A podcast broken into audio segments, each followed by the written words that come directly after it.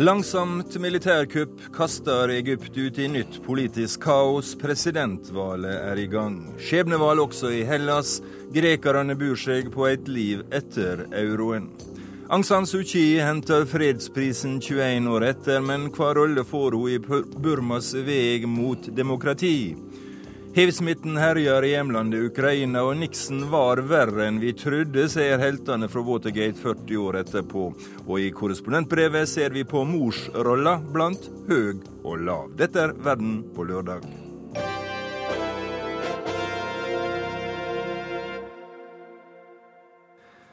Først til Egypt, der Høyesterett har skapt ny uvisse med flere avgjørelser denne veka. Parlamentet er i praksis oppløst, og Hæren har fått nye fullmakter til å arrestere sivile og dermed slå ned uro. Og Sigurd Falkenberg Mikkelsen i Kairo, er dette, slik mange hevder, et nytt militærkupp?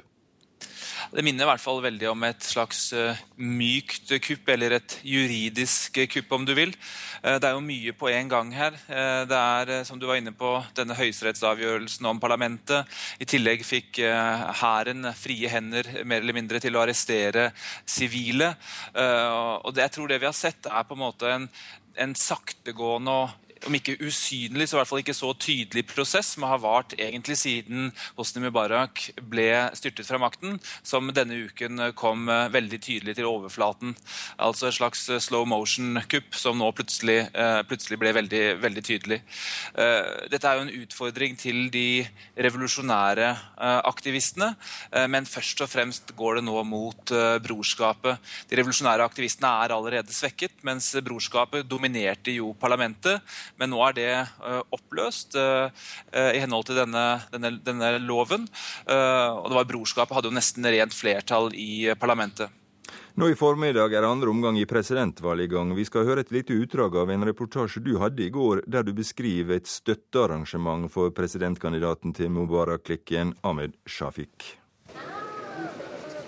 Hyatt, et av Kairos storhoteller. Der arrangerer det egyptisk-canadiske økonomiske rådet en mottagelse for Shafiq. Hotellet ligger rett ved Nilen, som skvulper inn til en uteservering. Solnedgangen slipper til gjennom en glipe i bebyggelsen på den andre siden av elven, og oppe i lobbyen renner vann i en fontene, mens et flygel i gjennomsiktig plast står plassert rett nedenfor. Dette er dagen før grunnlovsdomstolen skal avgjøre at det islamistdominerte parlamentet skal oppløses, og at Shafiq skal få lov til å stille til valg. Men jeg burde nok skjønt at noe var i gjære, for inn spradet de. Med dyre solbriller og designerklær, topper og kjendiser fra det gamle regimet. Til og med Jihan Sadat, kona til president Anwar Sadat, som ble drept av islamister i 1981, og som var Hosni Mubaraks forgjenger. Nå, når jeg legger sammen oppløsningen av parlamentet med en ny lov som gir militære frie fullmakter til å arrestere og avhøre sivile, i tillegg til alt vi vet fra før. Arrestasjoner av aktivister, ingen grunnlov, volden som har blitt brukt på og rundt Tahrir-plassen etter Mubaraks fall, og den systematiske frikjennelsen av politifolks gjerninger under oppstanden som felte Mubarak, og som kostet rundt 850 mennesker livet, er ganske sikker på at det gamle regimet er klar til å fortsette festen så snart presidentvalget er over. Ja, Falkenberg Mikkelsen, er det noen eh, tvil om at det er generalene som står bak her og trekker trådene? Så Det er jo alltid vanskelig å slå det fast eh, bombastisk. Eh, eh, og det er også vanskelig å vite hvor mye som er planlagt, hvor mye som er improvisert underveis. Men konsekvensen er i hvert fall slik at nå sitter hæren med all makt her i landet. Det er ingen grunnlov. Parlamentet er oppløst, og de har da bevilget seg selv en, den lovgivende makten. Og det er altså et åpent spørsmål, men som nok kommer til å besvares med at hæren også skal utpeke de som skal skrive den nye grunnloven. Og Da blir det spørsmålet hva den nye presidenten, hvilken rolle han får. Eh, hvor skal han sverge eden sin og slike ting.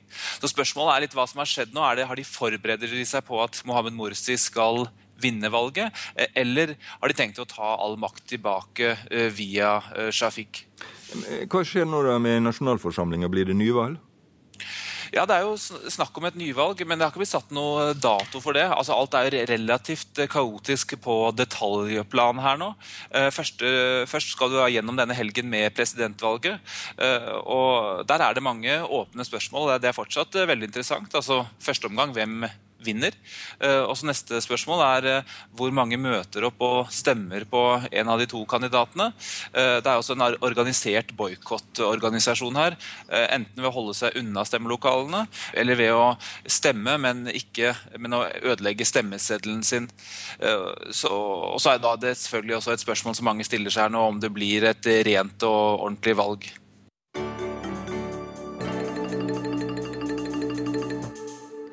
Vi svinger over fjorden til Hellas, der grekerne i morgen går til det som er kalt det viktigste valget i landet i moderne tid, og som kan avgjøre om landet blir i eurosonen eller ikke. Den nasjonale frustrasjonen har bl.a. gitt de høyreradikale gode vekstvilkår, og Hegemo Eriksen har sendt oss denne reportasjen fra Aten. Det er kveld utenfor Aten, og en hær av svartskjorter fyller den lille forstaden Megara. Det er duket for folkemøte til det høyreradikale partiet Gyllent daggry.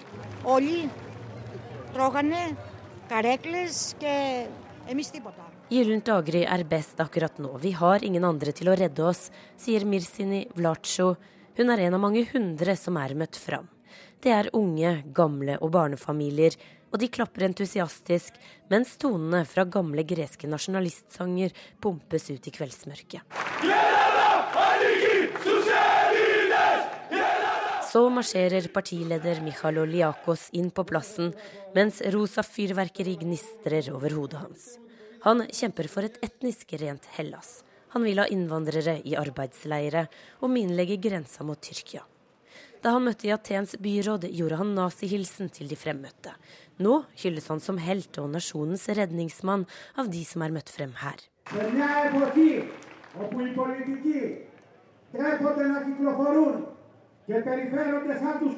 For første gang har de høyreradikale inntatt parlamentet i Hellas, med 7% av stemmene ved forrige valg 6. mai båret frem av en bølge av misnøye blant grekere som ser jobbene deres forsvinne og velferdsstaten smuldre opp.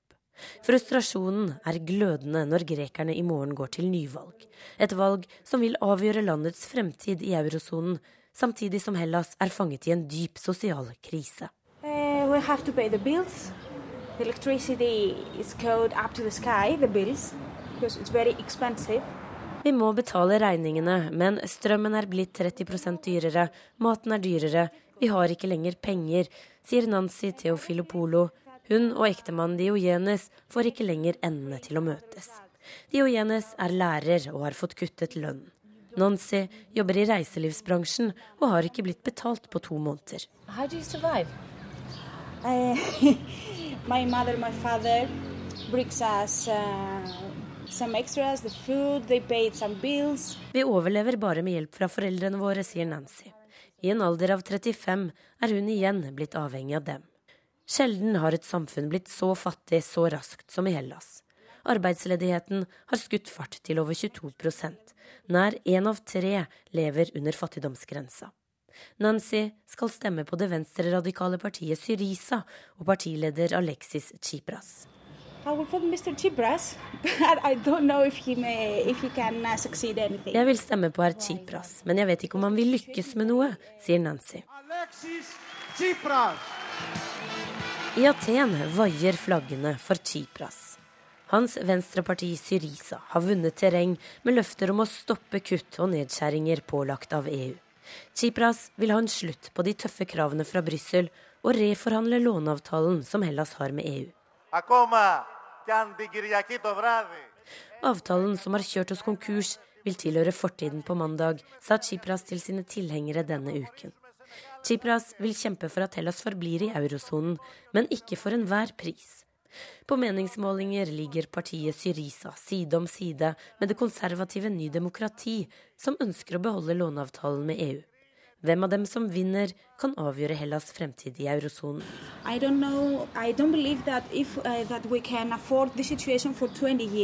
35 år gamle Nancy har mistet troen på det europeiske prosjekt. Vi har ikke råd til å være i denne situasjonen i 20 år til. Hvis vi går ut av eurosonen og får tilbake drakmer, vil Hellas være i en vanskelig situasjon i noen få år til. Ikke i 20 år, som med kuttene fra EU. Bunnen er nådd for de aller fleste grekere, sier Nancy. unfortunately, yes. Hege Hegemo Eriksen, hvor sterk er denne følelsen blant grekerne at de er på vei ut av eurosonen? Det er nok mer en sterk frykt enn en eh, reell følelse av at de er på vei ut. Et stort flertall av grekerne vil jo forbli i eurosonen, og det vil jo også de aller fleste av eh, greske partier. Men på mange måter så kan man si at uh, grekerne er slitt mellom to onder. På den ene siden så er det en dyp misnøye med kuttene og nedskjæringene som er diktert av EU. Det er vokst fram en dyp frustrasjon over EUs spareplan, som altså er signert av de to største største greske partiene, PASOK og Ny Demokrati, men som eh, den gjengse greker mener er seigpining og en langsom død. På den andre siden så er folk eh, veldig engstelige for hva som vil skje dersom eh, man kommer på kollisjonskurs med EU, og dersom man ryker ut av eurosonen. De frykter økonomisk kaos og en forverring av situasjonen. Og disse to motstridende følelsene speiles på mange måter i meningsmålingene, for man har det etablerte konservative partiet Ny Demokrati og venstreradikale Syriza, som kjemper side om side på målingene. Ny Demokrati ønsker endringer i låneavtalen med EU, men vil beholde avtalen. Mens eh, Syriza går inn for å endre avtalen mer radikalt. Og hvem av disse to partiene som vinner, vil i stor grad avgjøre Hellas sin fremtid i eurosonen. Du nevnte det høyreekstreme i Gyllen daggry. Får de en prominent plass i parlamentet? Ja, De marsjerte altså for første gang inn i det greske parlamentet ved valget som var 6. Eh, mai, men det er nok lite som tyder på at de klarer å gjenta suksessen sin eh, fra seks uker tilbake. Noe av grunnen til det er at eh, mange kanskje har blitt litt skremt over eh, atferden til dette partiet. De blir nå jevnlig anklaget for å stå bak voldelige angrep mot innvandrere i Aten. Deres pressetalsmann hadde et opptrinn på direktesendt TV hvor han rett og slett gikk løs på og slo sin politiske motstander, en representant fra kommunistpartiet. Og det er mange som som mener at dette har skadet partiet. Og så må man huske på at eh, noe av grunnen til partiets suksess var den enorme frustrasjonen og misnøyen over gjeldskrisa og over den eh, utarmingen av det greske samfunnet som eh, vi har sett den siste tiden. Mens eh, man regner med at mange greske velgere vil få litt kalde føtter og kanskje ikke vil stemme på dem igjen. Likevel så mener de fleste analytikerne at eh, de ligger an til å komme kanskje et sted mellom 3 og 5% som altså er rett over sperregrensa for å få inn representanter. Slik at eh, man kan eh, regne med at de fortsatt vil ha noen representanter ved valget i morgen. Fra Aten til Kreta, der er du, Groholm. Hvor viktig er det som skjer i Aten ute hos deg? Det er klart det er eh, veldig viktig. Jeg har snakket med en del her i den største byen, Heraklion, Heraklion som jeg er i dag. Og eh, de sier at valget selvfølgelig er avgjørende, men de føler seg alltid litt langt unna Aten her ute på øyene, og Kreta ligger jo langt fra fastlandet. Eh, eh, Kreta er jo tradisjonelt pasokland. altså eh, Eh, sosialistpartiet har alltid stått sterkt der helt eh, siden krigen. Eh, men det er uvisst hvordan det går nå, hvordan velgerne kommer til å dele seg mellom PASOK, dette venstreradikale Syriza, og Nytt demokrati. Mange jeg har snakket med i dag, går for å stemme på Nytt demokrati, selv om de sier de egentlig ikke regner seg som konservative, fordi de er livredde for at EU skal slå hånden av Hellas. Merker du denne forbitrelsen som vi ser på fastlandet mot Europa? Ja, jeg, det er vel snarere slik at det her er forbitrelsen like mye over politikerne på fastlandet som det er over Europa. Eh, flere jeg snakket med i dag, bl.a. En, en gullsmed, sa at vi har oss selv å skylde. Det er våre råtne politikere. Korrupsjonen, dette patron-klient-forholdet, at alle favoriserer venner og eh, familie og, og businesskontakter. Det er det som har vært vår ulykke, sa flere av dem jeg snakket med i dag. Så du kan si at sinnet er eh, rettet i to retninger, men altså kanskje vel så mye mot politikere politikerne. Nå er det forsommer og en normalt sett god tid for turismen på de greske øyene, men butikken går ikke bra. Nei, det gjør den ikke. Eh, den gullsmeden som jeg siterte før i dag, han sier at hvis han får solgt én billig eh, sølv- eller gullgjenstand i løpet av én uke, så skal han være lykkelig. Og eneste grunn til at han fortsetter, er at han vil bevare verdigheten i sine barns øyne. Eh, ingen av de butikkeierne snakket med i dag, eh, kunne rapportere at de solgte mer enn halvparten av det de pleier å gjøre. Og, og hotellbookingene er gått ned med 40% i Hellas som helhet, kunne en fra turistkontoret her fortelle meg. Så det er krise. Eh, mange vurderer å stenge butikkene. Noen butikker er allerede stengt. De som går best, er de som har såkalte all inclusive, alt inkludert hoteller. Eh, altså gruppereiser, da stort sett beregnet på familier. Eh, så er det en annen interessant ting, og det er at eh, det er russerne som nå vurderes som de beste kundene. Tyskerne de kommer ofte ikke. De, og det Grekerne forklarer med at de er redd for å bli mobbet. at De sier at vi har ikke noe imot tyskere, men det er uansett nå russerne som regnes som de beste kundene. Takk til Gro Holm på Kreta. Valget i Hellas blir selvsagt fulgt med stor spenning i hele Europa. Aldri før har et EU- eller euroland gått ut av samarbeidet, og derfor vet ingen hva en eventuell gresk sorti fra eurosamarbeidet vil føre til. Arnt Stefansen har laga denne reportasjen. Spanias nasjonalforsamling sist torsdag. Statsminister Mariano Rajoy møtes av et tallrikt pressekorps som vil ha en kommentar til den dramatiske utviklingen i økonomien de siste dagene. Men han går forbi i taushet. Et godt bilde på situasjonen i landet akkurat nå, mener opposisjonen. Det er et totalt fravær av politisk styring her i Spania i øyeblikket, sier sosialistpartiets leder Alfredo Rubalcaba. Statens gjeld øker dramatisk, rentene på våre statsobligasjoner når rekordhøyder, men regjeringen er taus. Jeg skjønner godt at folk er dypt bekymret, sier han. Vi er på vei mot dypet, og jeg ser ingen løsning på problemene, sier Carmen de la Cueva fra Madrid. Selvsagt vil denne krisa en gang ta slutt, men akkurat nå føler jeg at vi vanlige borgere bare er små brikker i et stort spill der det handler mer om å redde banker enn å redde mennesker, sier hun. Et Sør-Europa i dyp krise venter på et valg i Hellas. De siste to årene har millioner av mennesker skreket ut sine protester på gater og torg, mens økonomien er blitt svakere og livet vanskeligere å leve.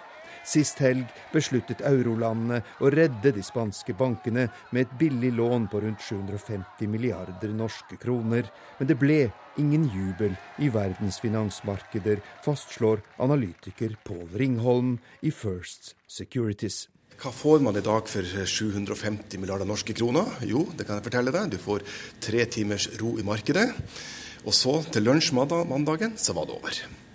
Og siden da, når vi sitter her og prater nå, så har den eh, spanske renta gått ut til nivåer som på lang sikt ikke er bærekraftig for nasjonen. Den har gått ut med ett prosentpoeng røftlig da, siden mandagsmorgen. Dermed ligger de spanske statsrentene på rekordhøye 7% et dårlig utgangspunkt for det som kan komme etter søndagens valg i Hellas. Uansett ligger eurosamarbeidets skjebne som aldri før i hendene på Europas største økonomi, Tyskland. Den tyske sparepolitikken blir stadig mer upopulær, og mange kommentatorer tror at den tyske regjeringen snart vil sukre pillen med tiltak som skaper vekst og arbeidsplasser i de europeiske kriselandene. Men forbundskansler Angela Merkel ga ingen slike løfter i sin tale i forbundsdagen i Berlin i går. Scheitert der euro, dann scheitert Europa. En fiasko for euroen er en fiasko for Europa. Derfor vil Tyskland gjøre alt for å redde eurosamarbeidet. Men vi skal huske at selv den tyske økonomien har sine begrensninger. Vi har også en svært høy statlig gjeld, rundt 80% av verdiskapningen, så vi må også være forsiktige med hvor mye penger vi bruker, sier kansleren. Og finanseksperten Pål Ringholm mener hele eurosamarbeidet nå er i fare. Jeg tror jo det mest sannsynlig fortsatt at i hvert fall eh, Hellas går ut. Det er vel ikke uten grunn at EU Det, det er blitt kjent de siste dagene at EU har, har, har drevet og hatt øvelser i forhold til både grensekontroll eh, nedstenging av Schengen-avtalen og eh, ikke minst hvordan kapitalkontroll skal utøves. For, for, fordi at man er oppriktig redd for at det kan komme til å skje.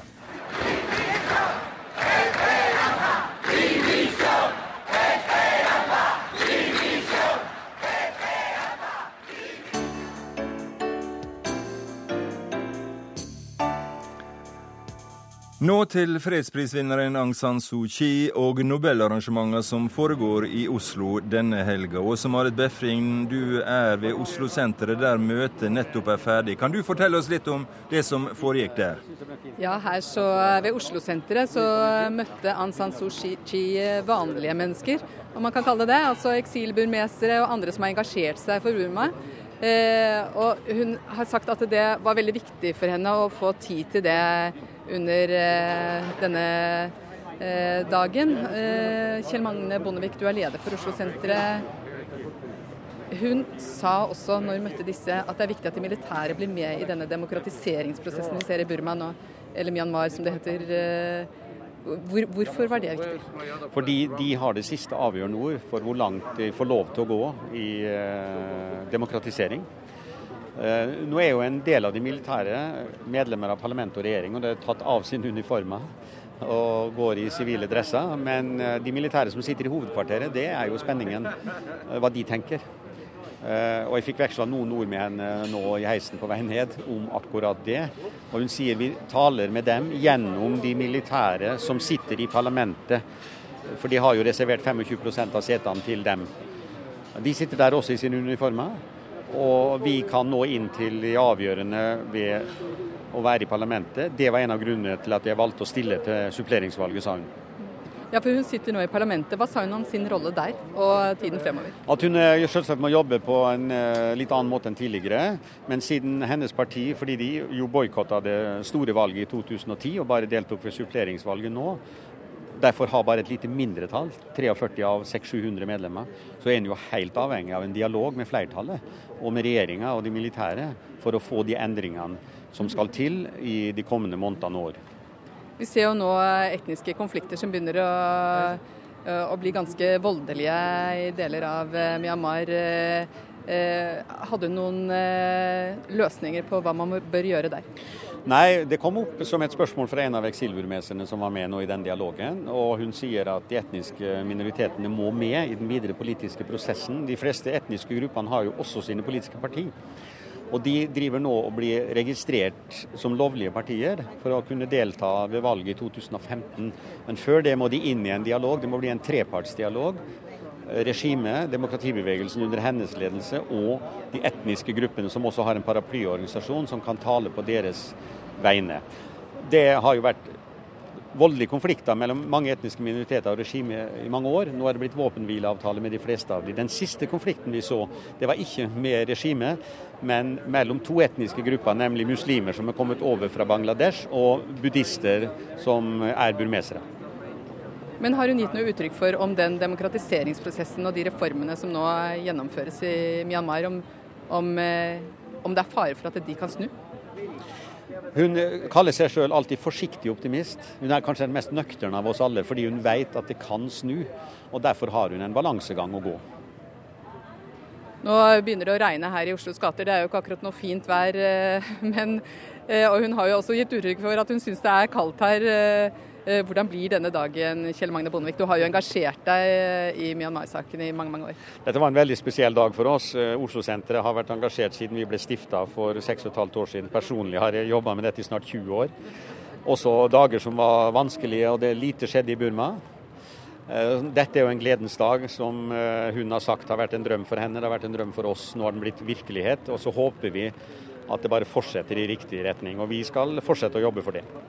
Aung San Suu Kyi sa her inne at uh, taler gjorde henne helt utslitt, men i dag skal hun altså holde den viktigste talen av de alle, nemlig Nobeltalen som hun skulle holdt for 21 år siden.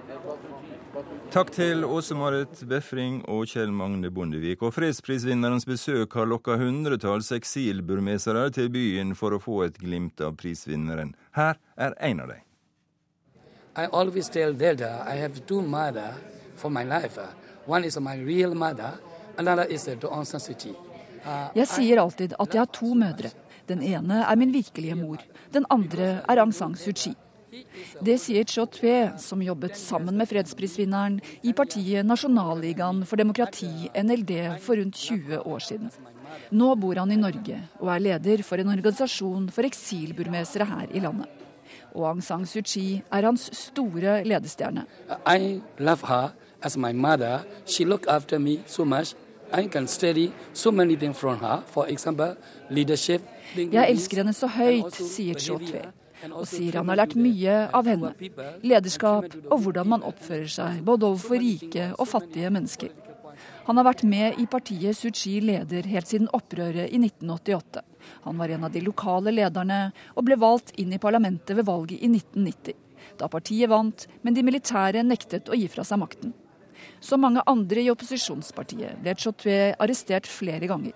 I over ti år satt han i militærjuntaens fengsler. I stay alone in a very small cell, uh, eight feet square small cell. Uh, there's no light.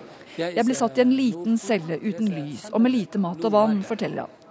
Men for to år siden ble Suu Kyi satt fri etter mange år i husarrest. Og flere mener at Myanmar nå er på vei i riktig retning.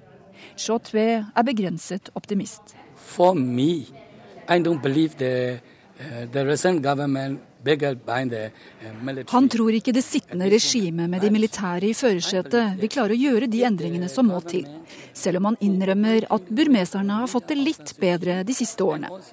Han mener regjeringa må samarbeide tettere med Suu Kyi for å få en smertefri overgang til demokrati.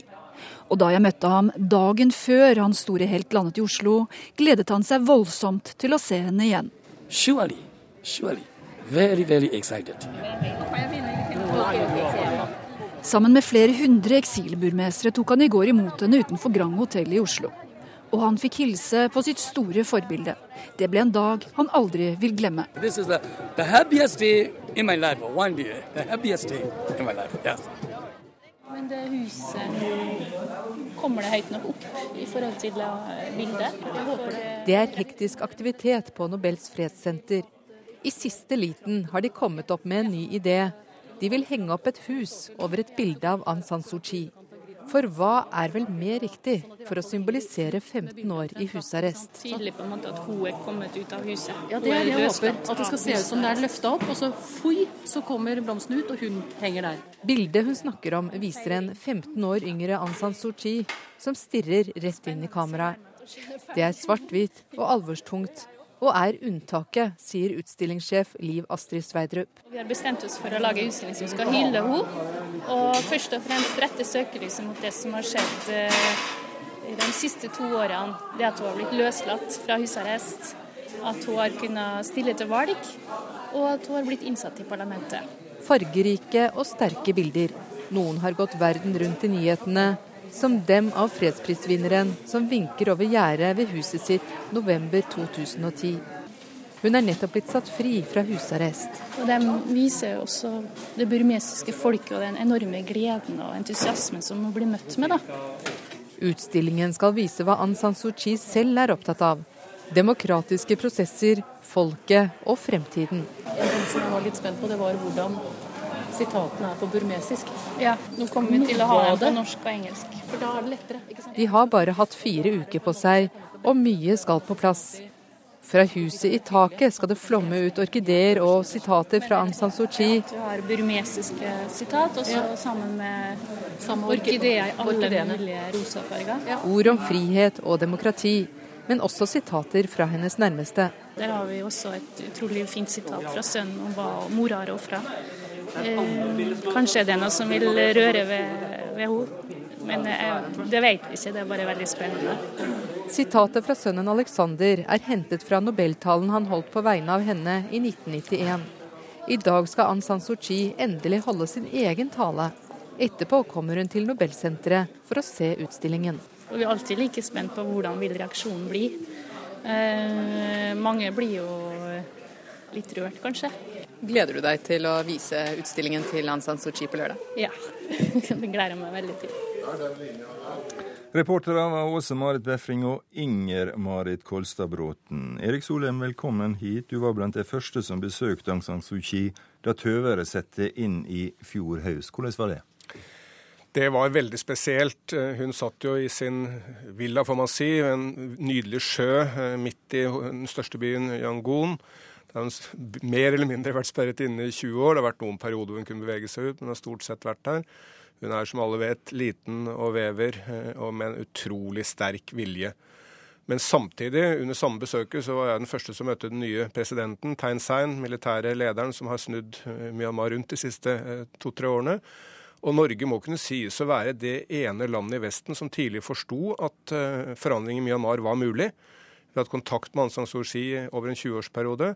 Men vi var de første som tok opp fra vestlig side kontakt også med militære lederne. For uten dem blir det heller ingen forandring i Myanmar. Var det dette hun også var interessert i å snakke med deg om? Ja, hun var veldig interessert i det. Og det mest positive var at hun uttrykte en veldig stor personlig tillit til president Thein Sein. Det er jo en general som da har vært i hæren i 40 år, og som nå leder eh, den demokratiske omformingen av, av Myanmar. Hun sa at hun hadde tillit til ham fordi også under militærdiktaturet når hun hadde møtt daværende seniorgeneral Tan Shwe, som da var militærdiktatoren i, i Myanmar, så hadde Tein Sein vært med på møtene, og han hadde opptrådt på en helt annen personlig måte overfor henne decent, så jeg skal si det på norsk, når uttrykket brukte. Eh, vise en respekt på et tidspunkt hvor de militære lederne ikke viste en respekt. 21 år. Eh, sa hun noe om dette var verdt det? Jeg tror hun er helt trygg på at det er verdt det. Eh, det har vært en enorm personlig oppofrelse, selvsagt. Eh, hun fikk ikke se mannen sin de siste tida før han døde av kreft. Hun har to sønner som hun har sett veldig veldig lite til. Så det personlige offeret er enormt. Men hun føler en, en eh, forpliktelse overfor Myanmars befolkning.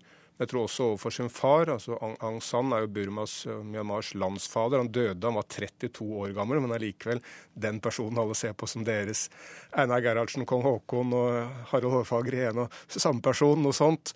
Eh, med en utrolig respekt. Han ble myrdet da hun var to år. Hun har ikke noe forhold til han personlig, men hun føler at hun eh, ivaretar hans arv og skal eh, fullføre det verket med å samle Myanmar som han startet. Nå har det skjedd veldig mye i løpet av kort tid. Det er bare et halvt år siden du var der. Kunne du tenke at det ville gå så fort? Jeg tror ingen drømte om det. Jeg var den første vestlige politiker som møtte Tein Sein, første vest for Ny Delhi, som de sa. Nå har alle møtt han. Eh, det er en tillit mellom han og, og Aung San Suu Kyi som, eh, som bygger videre på. Men hvis vi ser framover, så er jo de to hovedspørsmålene fortsatt uløste i Myanmar. Det ene er hvordan skal dette veldig fattige landet for økonomisk og sosial framgang Nabolandene Thailand og Kina ligger jo milevidt foran Myanmar. Eh, og dessverre Aung San Suu Kyi heller ikke noe klart program for hvordan du skal få til den økonomiske og sosiale framgangen. Eh, og det andre er eh, hvordan skal man skape en etnisk enhet i et land som er et av verdens aller mest kompliserte når det gjelder etnisitet. Men hva er det som har utløst det, da? Hva, er det, hva er det som har skjedd at det nå, etter så mange år, plutselig skjer noe? Jeg tror de militære lederne kom til to konklusjoner, nemlig at Myanmar kan ikke fortsette å være så tilbakeliggende. De ser hvor mye rikere kinesere og thailendere som kommer over grensa her, og de ser selvfølgelig på fjernsynet, selv om mange av dem har vært veldig lite rundt i verden, hvor mye rikere resten av verden er. De skjønte at uten å åpne opp, uten å få inn amerikanere, europeere og andre asiater, så vil landet forbli i fattigdom. Og de skjønte at eh, de er nasjonalister. De tror på Myanmar. og Da kan ikke Myanmar bare ha én venn, og de siste årene har Kina vært deres eneste venn. De er ikke antikinesiske, men de ønsker å balansere Kinas innflytelse, men også få inn USA, Europa og India. Hvor langt er de egentlig kommet? Eh, hvor lang vei er det å gå? De har kommet utrolig mye lenger enn noen kunne drømme om bare for noen måneder siden. Men samtidig så er det klart at mesteparten av veien gjenstår. Eh, og det mest sårbare og skjøre spørsmålet er etnisiteten. Myanmar ble et brutalt militærdiktatur pga. Den, den etniske konfliktene.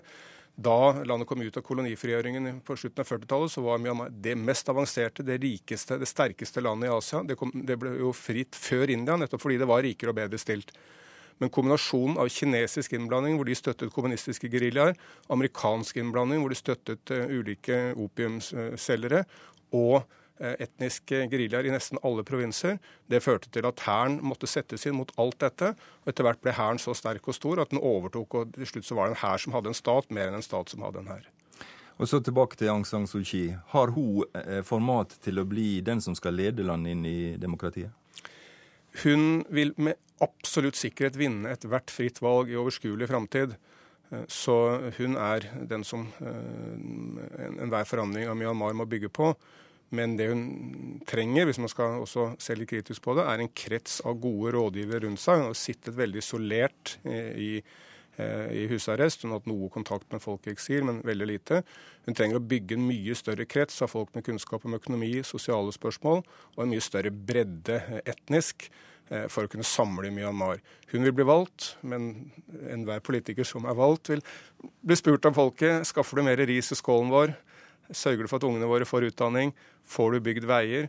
Alle disse daglige brød- eh, og livsspørsmålene som velgerne er opptatt av.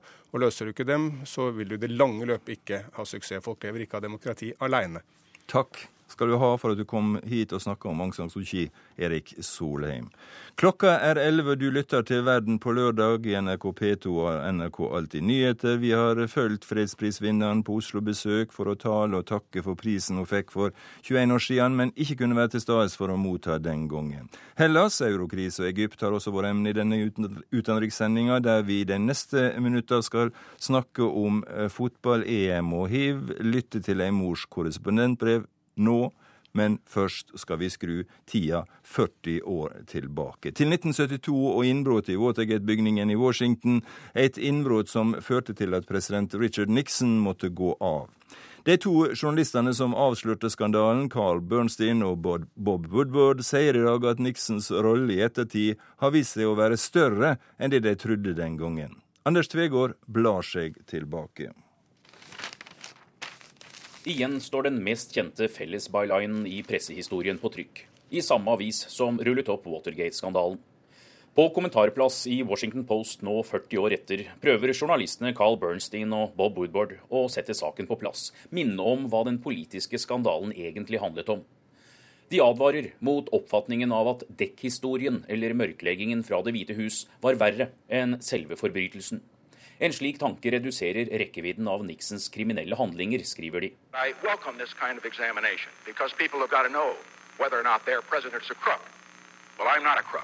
Jeg er ingen skurk, sa president Richard Nixon. Likevel gikk han av i august 1974, to år etter fem menn ble tatt på fersken da de brøt seg inn i Demokratenes partihovedkvarter her i Washington. De skulle installere mikrofoner og avlyttingssystemer for å skaffe informasjoner om demokratenes valgkampopplegg. Mennene hadde tilknytning til CIA og FBI. Matter,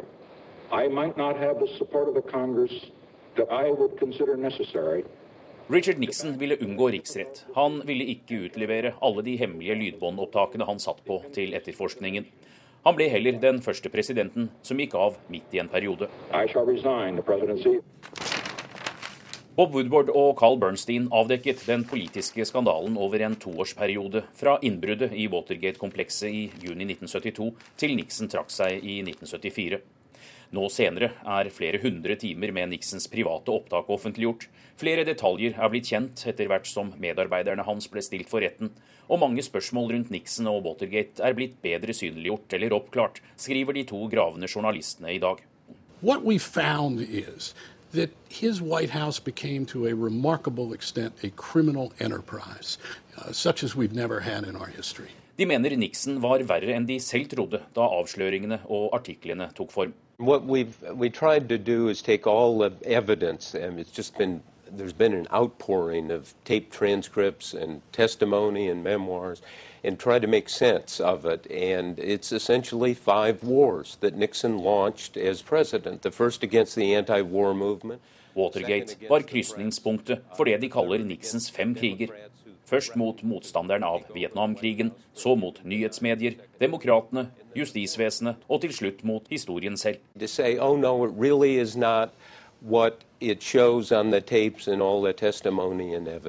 Alt viser Nixons tankesett og mønster. En vilje til å ignorere loven hvis det er politisk fordelaktig, og en søken etter å grave opp skitt og hemmeligheter om motstanderne som en organisert del av hans presidentembete.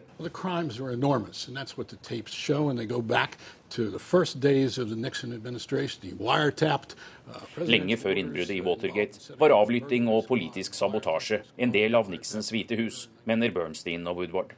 Is there more going on down in Pennsylvania Avenue in the name of national security that Watergate-skandalen viste at det amerikanske rettsvesenet opererte uavhengig, selv når presidenten var innblandet. Washington Post har hatt flere folkemøter i Newseum, Washingtons museum for journalistikk, denne uka, for å markere en av de største journalistiske avsløringene. Der sa William Cohen, tidligere forsvarsminister, som på 1970-tallet var involvert i etterforskningen av spionasjen, at Watergate også kan skje i dag. I think uh, we have a uh, potential repetition of, of Watergate because we were looking at Watergate, you saw power, uh, money, and secrecy. And today you're seeing money and secrecy. Politikken er overøst med penger og mangel på kontroll, sier Cohen. Uh, I think the political system is being overwhelmed with money and a lack of accountability. Uh, the fact that you can have uh, millions på 1970-tallet var han den første republikaneren som brøt med eget parti og stemte for å stille Nixon for riksrett. Uh, much of it has been swept away. All of the so-called Watergate reforms pretty much have gone by the, uh, the wayside. Now they've been eroded uh, by the uh, Supreme Court decision. Campaign finance, campaign finance trying to have full... Millioner av dollar spyttes inn i en valgkampanje, og folk får ikke vite før senere hvem som står bak. Det er lærdommer fra Watergate som fortsatt er aktuelle, sier William Cohen reformer etter den politiske skandalen, som f.eks. at politiske partier og kampanjer må sende inn en liste over bidragsytere til den føderale valgkommisjonen, kan i dag omgås. Pressgrupper, her kjent som Superpac, kan drive kampanje så mye de vil, og med ubegrensede midler, for eller imot en kandidats sak eller nye lovforslag, så lenge de ikke samarbeider eller koordinerer utspillene med en kandidatskampanje. I think it's um, very dangerous what we're doing right now. And I'd like to see uh, more accountability and more disclosure and less secrecy. I dag, 40 år etter, diskuteres og debatteres betydningen av Watergate-skandalen, og ikke minst kårene for gravende journalistikk i en ny digital hverdag. Det eneste som er helt ubestridt, er den språklige påvirkningen. Alle politiske skandaler eller hendelser der maktpersoner misbruker stillingen sin, får betegnelsen gate. Wikileaks-lekkasjene ble Cablegate, Bill Clinton opplevde Monica-gate og Whitewater-gate. Den finske regjeringen fikk Irak-gate i fanget. Prins Charles' telefonsamtale ble Camilla-gate. Og neste gang er det kanskje ikke en deep throat, tyster eller et innbrudd som gir neste gate, men hacking, datasnoking eller et nettangrep.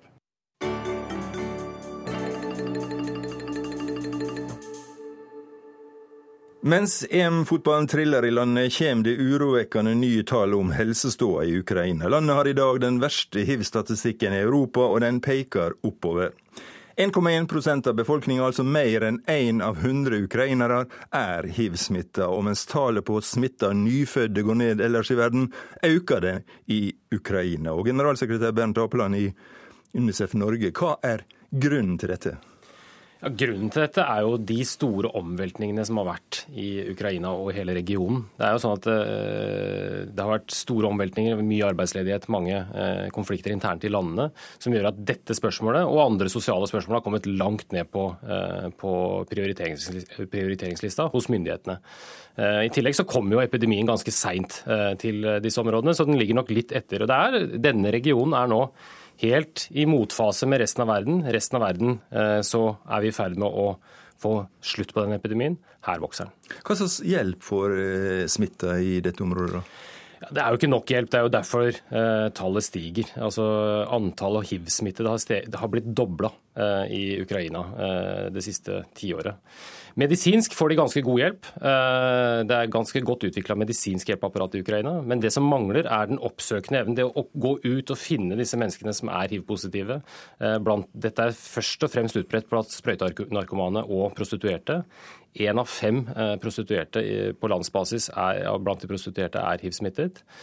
Og Da må du gå ut og finne dem, for de oppsøker ikke eh, hjelpeapparatet sjøl. Du må ha et hjelpeapparat som leter dem opp, du må, de, du må, leie dem til behandling, og du må følge dem opp. Eh, for det vi ser er at, som du sa, mor-barn-smitten øker. Den, og det er noe av det enkleste eh, du kan forhindre, bare du får testa mor og gitt henne behandling.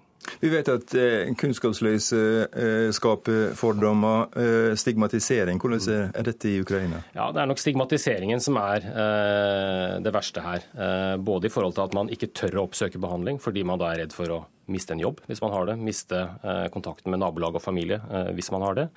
Og Hvis man får et hiv-positivt barn, så, så, vil man ofte gi opp foreldreretten og overlevere det til et uh, barnehjem fordi man ikke tør å leve med stigmaet. Verdensmålet er å utrydde mødre til barn-smitten i løpet av de neste tre åra. Er det mulig? Nei, i løpet av de neste tre årene kommer vi ikke til å klare det. Men her er det viktig å være veldig uh, positiv. Hvis vi klarer å opprettholde uh, finansieringen av bekjempelsen av hiv-aids, så kommer vi til å klare å få en hiv-fri generasjon i løpet av ganske få år. Vi kommer ikke til å få det til i 2015, men vi kommer til å få det til før 2020 hvis vi klarer å opprettholde finansieringen av uh, hiv-arbeidet internasjonalt.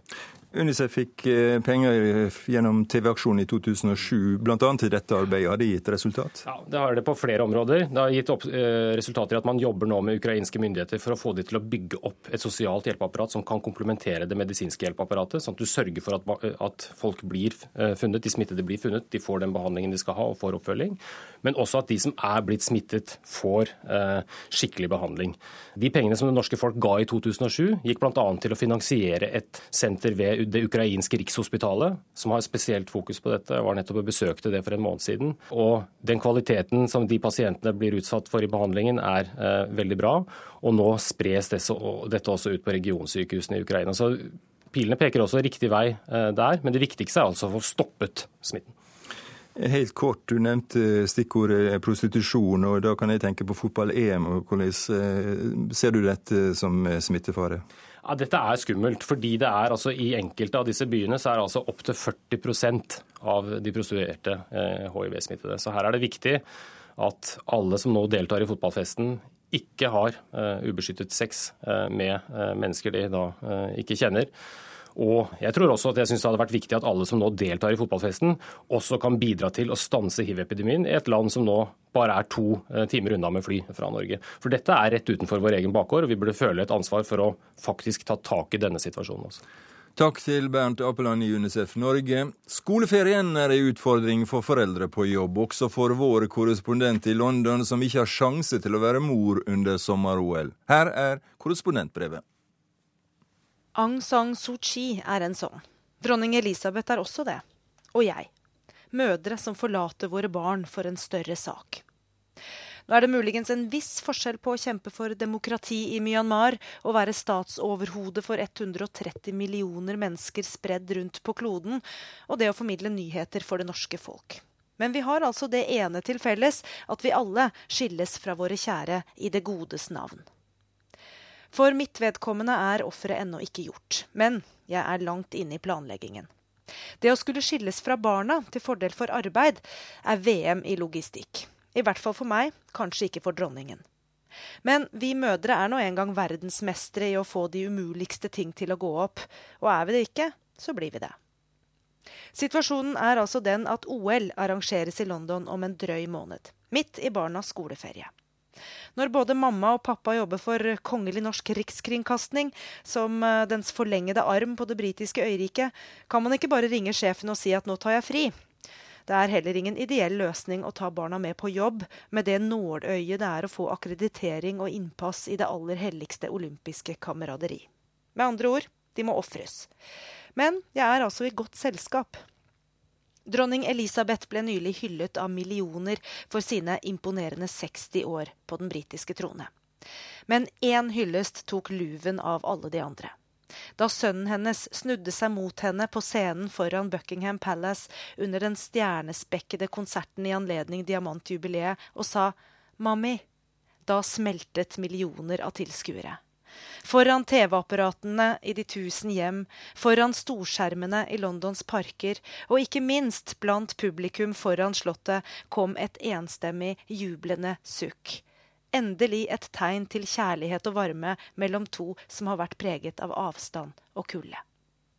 Så etterlengtet var denne kjærlighetserklæringen at britene etter mange år igjen ser prins Charles som den best egnede til å ta over tronen når Elisabeth dør. To uker før jubileet ønsket 44% prins William som etterfølger til tronen. Bare 38% ville ha Charles. Men etter at feiringen var slutt, var tallene snudd på hodet. Nå ønsker flertallet at prins Charles blir konge, ifølge YouGovs måling for The Sunday Times. Prins Charles var bare tre år da moren ble dronning. Han har måttet tåle at jobben tok henne fra ham mange ganger. Da Pjokken var seks, reiste moren fra ham i et halvt år for å la seg hylle av samveldenasjoner verden over. Kronprinsesse Mette-Marit tok i det minste barna med seg da hun og kronprinsen var på en to måneder lang reise i Asia. Jeg tror til og med at barna og familiesamværet var noe av hovedpoenget med den turen. Men Elisabeth, hun lot barna bli igjen hjemme.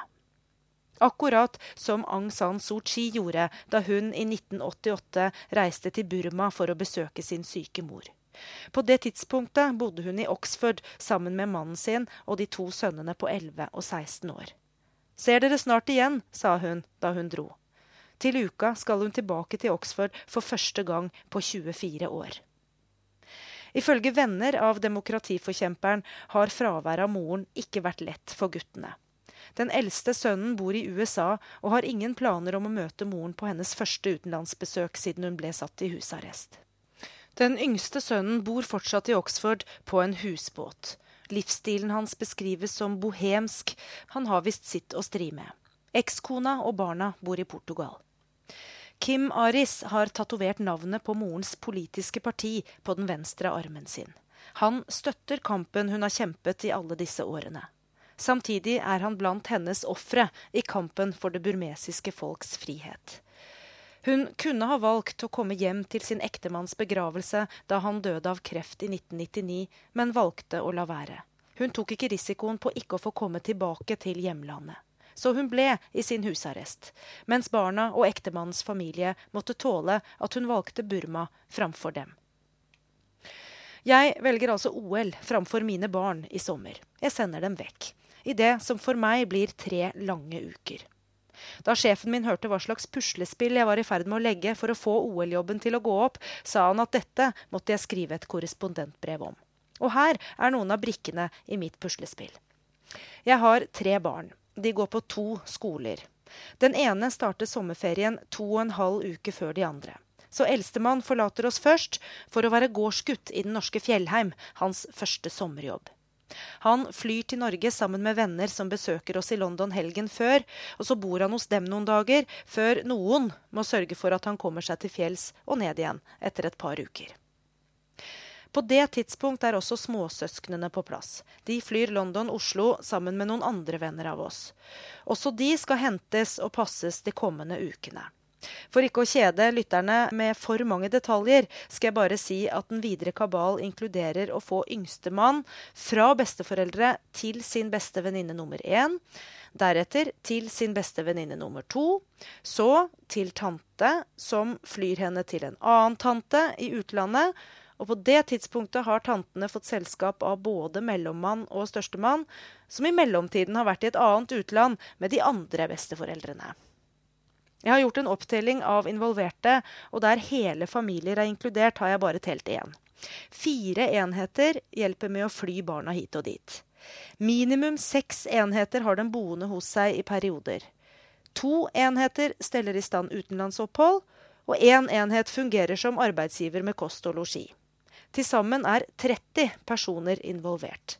Og de inkluderer altså ikke barnas foreldre. Ingen skal påstå at dugnadsånden er død. NRKs seere, lyttere og lesere fortjener å vite at alle disse, våre venner og familie, stiller opp for at du skal få nyheter fra OL i sommer. Det aner meg at dette er verre for meg enn for barna. Med alle disse gode hjelperne får ungene en sommer de sent vil glemme. Mens jeg er hjemme alene og syns synd på meg selv. Du kommer til å bli overrasket over hvor deilig det er å være uten dem, sa en britisk politiker til meg da jeg fortalte henne hvor mye jeg gruer meg til dette fraværet av barn rundt meg. Hun bodde på Seychellene da hennes barn var små. Men da de skulle begynne på ungdomsskolen, gjorde hun som en del privilegerte briter gjør. Hun sendte ungene på kostskole i England. Hun ble værende igjen på Seychellene, fortsatt som hjemmeværende husmor, men altså uten barn. Det varte i flere år, og hun fikk besøk av barna sine til jul og om sommeren, og hun nøt det. Det er en viss kulturforskjell på hva det innebærer å ha barn. Her i Storbritannia er kostskoler fortsatt vanlig blant de privilegerte. Jeg kjenner flere som velger den løsningen. Fotballaget til tiåringen min mister nå en av spillerne fordi han skal flytte fra familien for å gå på kostskole. Naboene våre har sendt alle sine tre fra seg. De velger et fravær av barna fordi de mener det er til det beste for dem. Men jeg kjenner også en mor som har valgt bort barna sine, vel vitende om at det ikke er til det beste for dem. Og valg er i dette tilfellet et relativt begrep. Hun jobbet som lærer da den eldste datteren fikk en hjertesykdom. Operasjonen kostet rundt 150 000 norske kroner. Selv om både hun og mannen hadde arbeid på Filippinene, der de bodde, hadde de ikke inntekt til å betjene lånet som bekostet operasjonen. Det har resultert i at den lærerutdannede moren nå jobber som vaskehjelp i London på tredje året og sender penger hjem til familien. Hun har kontakt med sine tre små via internett, men savner dem hver eneste dag når hun rydder og vasker i andre barns rom og leker. Nå håper hun at hun snart kan reise hjem. Mannen hennes klarer ikke ansvaret alene. Han søker jobber i Midtøsten nå, så kanskje han kan overta inntjeningsbehovet. Når jeg tenker på henne, føles ikke mitt offer denne sommeren så stort. Likevel gruer jeg meg. Og jeg lurer på hva disse andre mødrene har tenkt og følt gjennom årenes løp. Var det greit for en ung dronning å overlate to smårollinger til barnepiker og besteforeldre i et halvt år for å reise jorden rundt? Er det verdt å kjempe for frihet og demokrati når det samtidig betyr at egne barn mister sin mor? Det er godt Aung San Suu Kyis barn også hadde en far. Han var helten på hjemmebane som aldri mottok noen pris for innsatsen. Jeg har 30 gode hjelpere som alle fortjener en utmerkelse. Kanskje ikke fredsprisen, men hva med kringkastingsprisen? Det kan dere tenke over mens dere ser, hører og leser mine rapporter fra OL i London. God sommer! Og korrespondenter fra Gry Blekastad Almås kan du sammen med et par andre biter av denne timen høre igjen på P2 etter Dagsnytt klokka 16.30. Ansvarlig for Verden på lørdag i dag var Svein Åkre, Tove Søtorp og her i studio Gunnar Myklebust.